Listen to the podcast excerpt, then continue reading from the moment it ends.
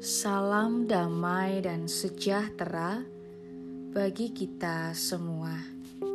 Saudara yang terkasih, hari ini kita akan bersama-sama merenungkan firman Tuhan yang diambil dari Yesaya pasal 56 ayat 3. Yesaya pasal 56 ayat 3 yang demikian sabda Tuhan.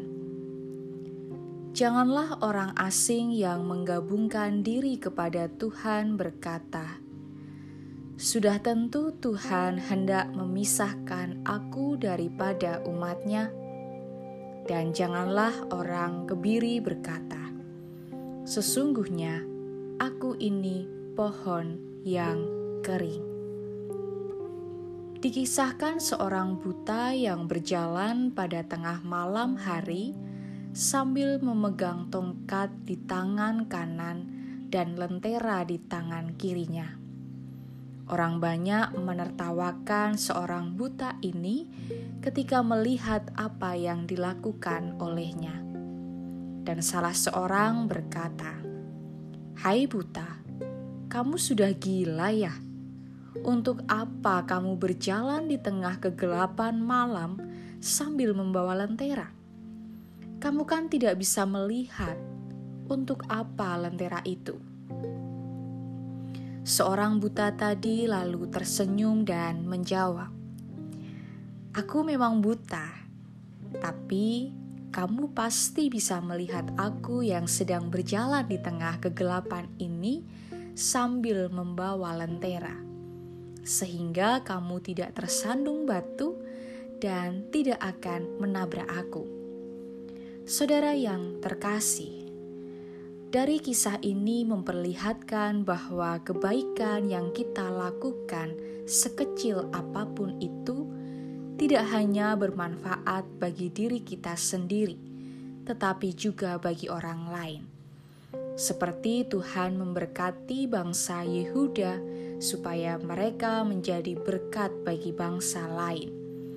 Mereka harus bercahaya di tengah kegelapan, supaya melalui kehidupan mereka, bangsa-bangsa yang tidak mengenal Tuhan akan tunduk sujud menyembah Dia. Mereka tidak boleh beranggapan bahwa yang berhak menerima anugerah keselamatan hanyalah mereka kita saat ini dihadirkan Tuhan sebagai bukti karyanya. Keselamatan yang Tuhan anugerahkan telah menjangkau ke dalam hati kita, supaya hati kita terpancar terang keselamatan yang boleh menjadi berkat bagi orang lain. Oleh karena itu, mari kita mewujudkan kehidupan yang bercahaya di tengah kegelapan menyaksikan kebaikan Tuhan yang kita jumpai setiap hari. Tuhan Yesus memberkati. Amin.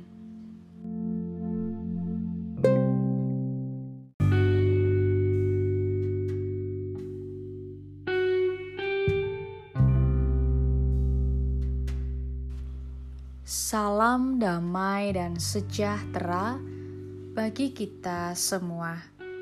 Saudara yang terkasih, hari ini kita akan bersama-sama merenungkan firman Tuhan yang diambil dari Kisah Para Rasul 9 ayat 31. Selama beberapa waktu jemaat di seluruh Yudea, Galilea, dan Samaria berada dalam keadaan damai. Jemaat itu dibangun dan hidup dalam takut akan Tuhan. Jumlahnya makin bertambah besar oleh pertolongan dan penghiburan Roh Kudus. Takut akan Tuhan. Takut adalah hal manusiawi. Tidak ada manusia yang tidak pernah merasakan takut. Allah mengaruniakan manusia rasa takut agar manusia tahu diri, menahan diri, awas diri, dan waspada. Dalam bacaan hari ini kalau kita membaca keseluruhan pada ayat 26 sampai 31 kisah para rasul memuat dua jenis takut. Pertama, para murid takut kepada Saulus. Kedua, jemaat takut akan Tuhan. Ada dua takut, namun masing-masing memberikan dampak yang berbeda. Pertama, murid-murid takut kepada Saulus menyebabkan usaha pengajaran yang telah dan akan dilakukan Saulus tenggelam, tidak didengar dan diketahui. Para murid tidak tahu bahwa Saulus telah mengalami perjumpaan dengan Tuhan dan mengajar dengan berani di Damsyik dalam nama Yesus mereka tidak mengenal Saulus yang baru bertobat. Setelah itu, Saulus juga tidak berkesempatan berbicara kepada orang-orang Yahudi lain tentang Yesus. Pemberitaan Injil terlambat, namun kedua, takut akan Tuhan berbuahkan kedamaian di jemaat Yudea, Galilea, dan Samaria, dan jumlah mereka bertambah besar. Takut akan Tuhan mendatangkan kemajuan kabar baik Allah. Takut akan Tuhan adalah sikap dasar hidup beriman.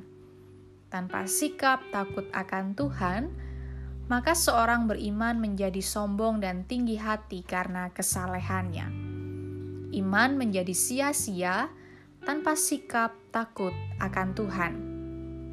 Takut akan Tuhan bukan berarti bersembunyi dari Tuhan, tetapi ingat dan melakukan kehendak Tuhan di dalam kehidupan kita. Maka, sudahkah kita senantiasa takut akan Tuhan? Selamat berefleksi, Tuhan Yesus memberkati. Amin.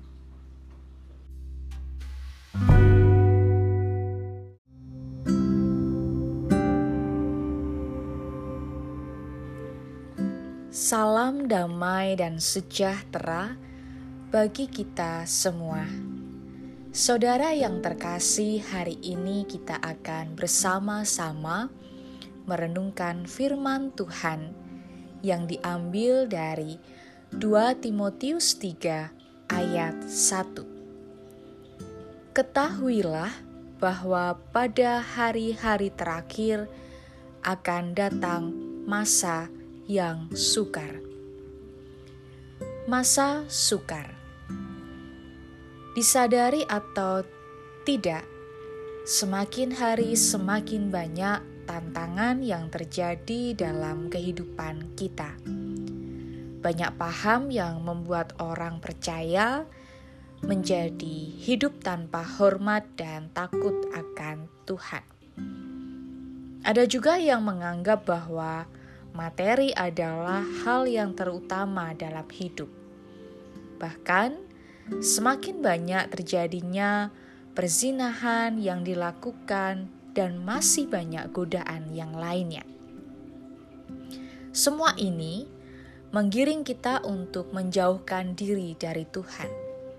Paulus mengingatkan Timotius bahwa akan ada masa yang sukar yang menandai datangnya hari-hari terakhir. Timotius diminta tampil beda dari orang-orang jahat dan penipu-penipu yang digambarkan Paulus.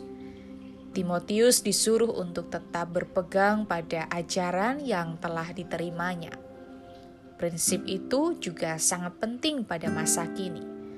Seperti halnya Timotius, kita pun akan mengalami waktu-waktu yang sukar. Kata sukar berarti sulit ditanggung, baik secara jasmani maupun mental. Kita perlu mengetahui hal ini supaya kita siap menghadapi berbagai tantangan. Perjalanan hidup yang kita jalani tidak selalu mudah.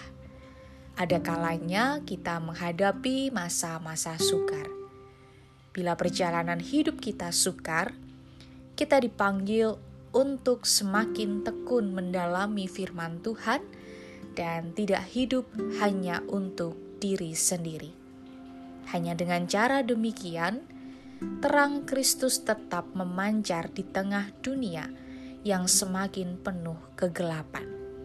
Oleh karena itu, mari sisihkan waktu untuk belajar merenungkan firman Tuhan. Kiranya terang kasih Kristus senantiasa memancar di dalam kehidupan kita. Amin.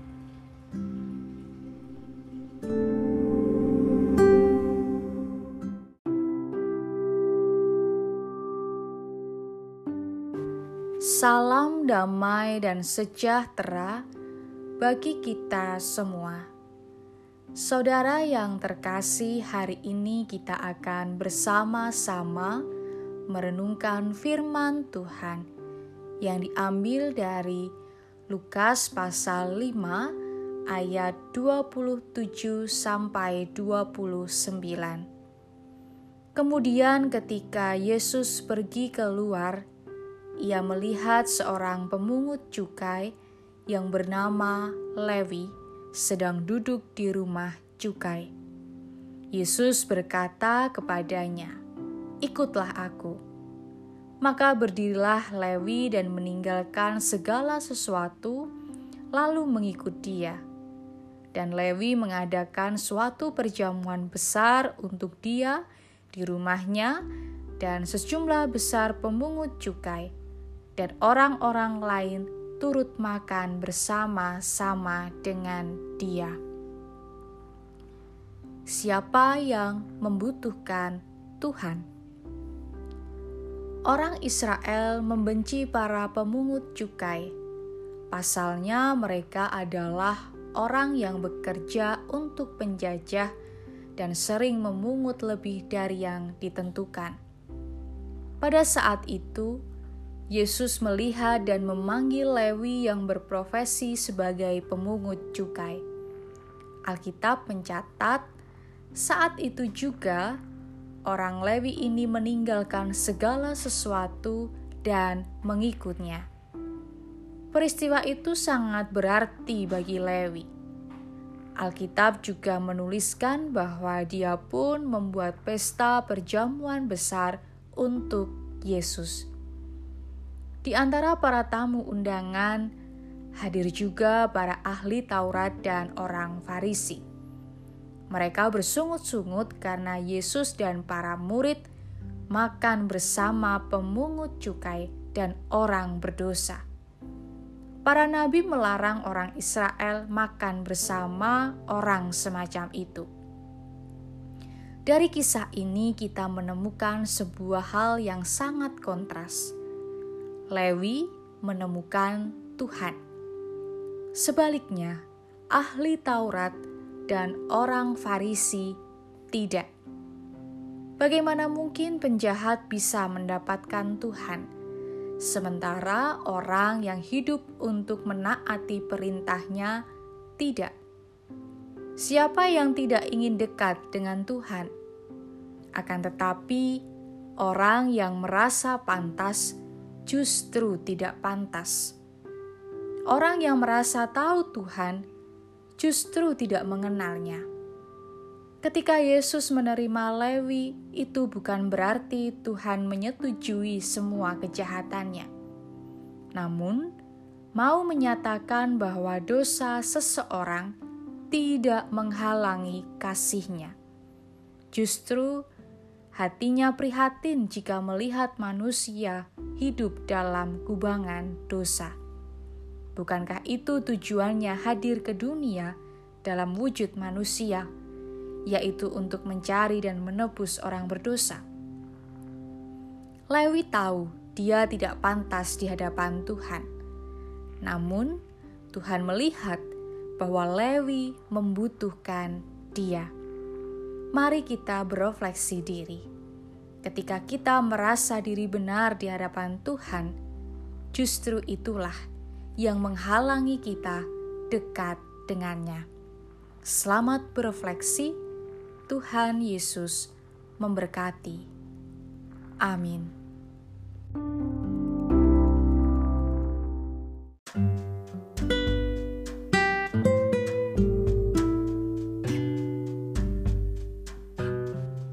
Salam damai dan sejahtera bagi kita semua.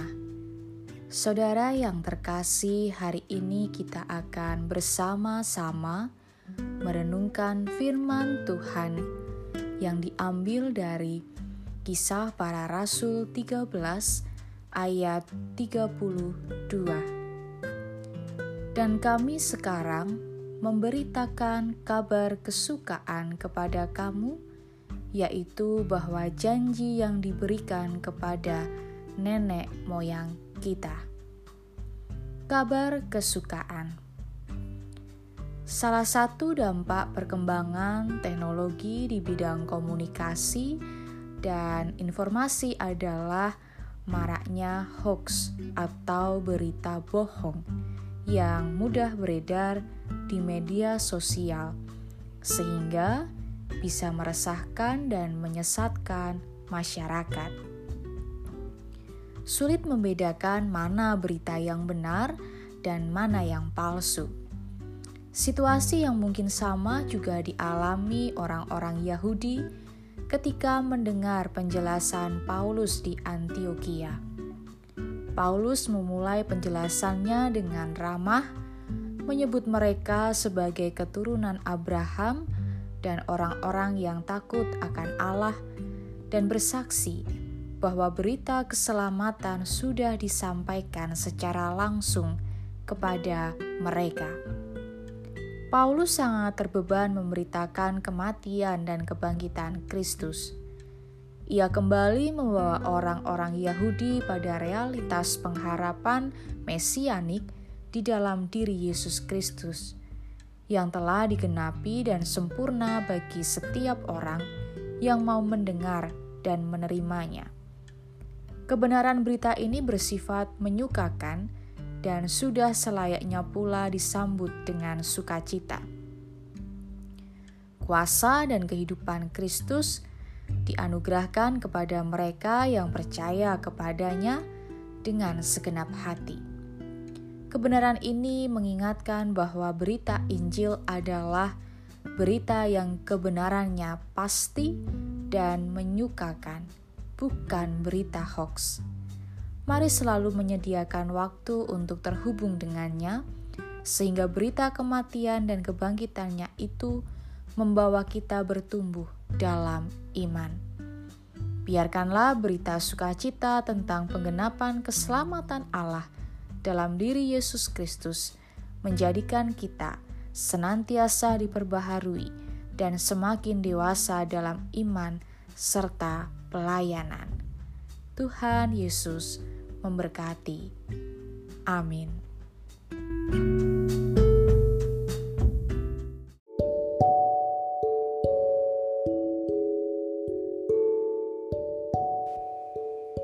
Salam damai dan sejahtera bagi kita semua. Saudara yang terkasih, hari ini kita akan bersama-sama merenungkan firman Tuhan yang diambil dari Filipi pasal 4 ayat 4 dan 5. Bersukacitalah senantiasa dalam Tuhan Sekali lagi kukatakan, bersukacitalah. Hendaklah kebaikan hatimu diketahui semua orang. Tuhan sudah dekat. Bersukacitalah. Abraham Lincoln pernah mengatakan demikian. Kita bisa protes karena bunga mawar memiliki duri atau kita bisa bersuka cita karena semak duri memiliki bunga mawar. Perkataan Abraham Lincoln ini tentu saja mengacu kepada cara kita memandang suatu keadaan.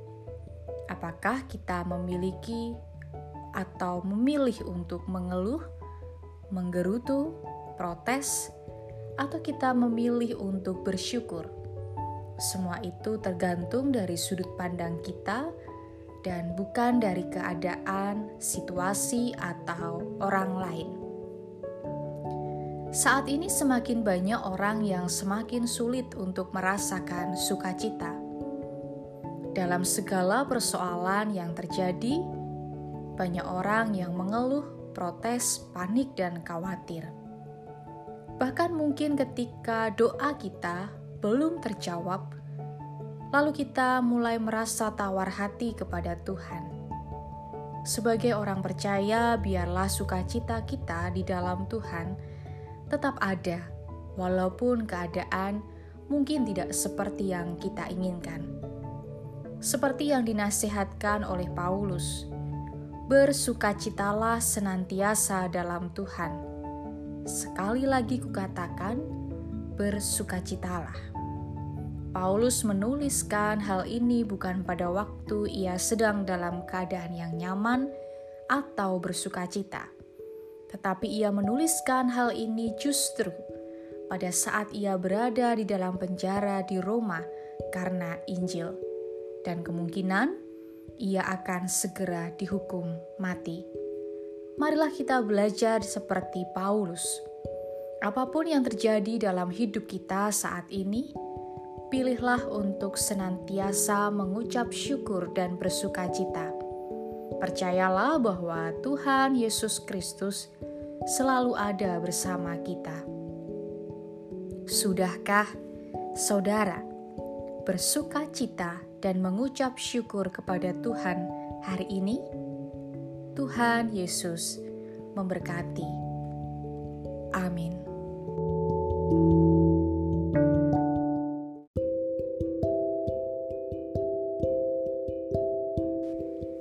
Salam damai dan sejahtera bagi kita semua.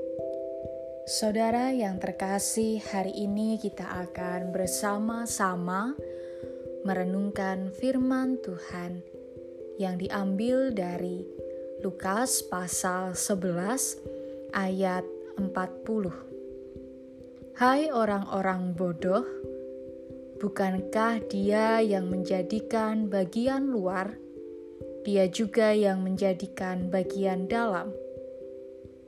Munafik konflik Yesus dengan orang-orang Farisi dan ahli-ahli Taurat adalah perihal perilaku dan sikap hidup. Perilaku adalah tampilan Orang lain melihat perilaku seseorang melalui perbuatan, perkataan, dan pengambilan keputusan. Sikap hidup adalah batin manusia.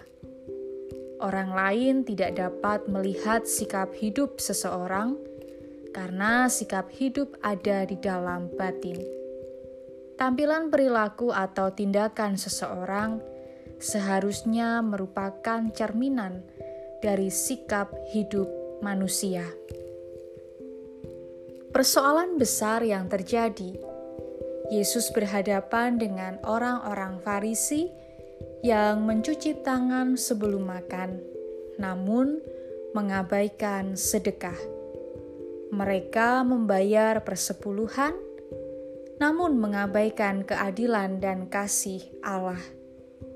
Yesus juga berhadapan dengan ahli-ahli Taurat yang memuliakan diri dengan membangun makam para nabi.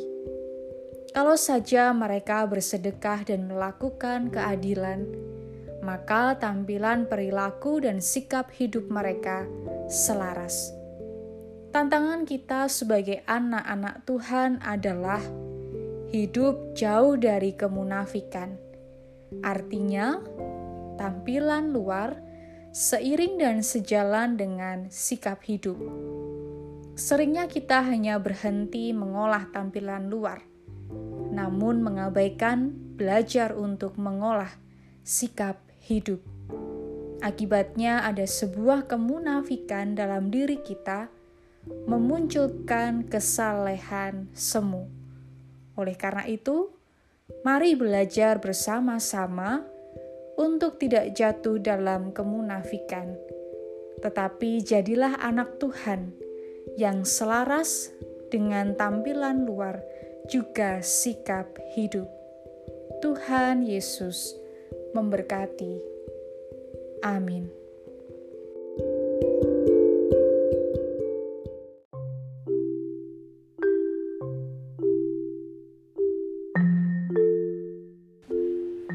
Salam damai dan sejahtera bagi kita semua.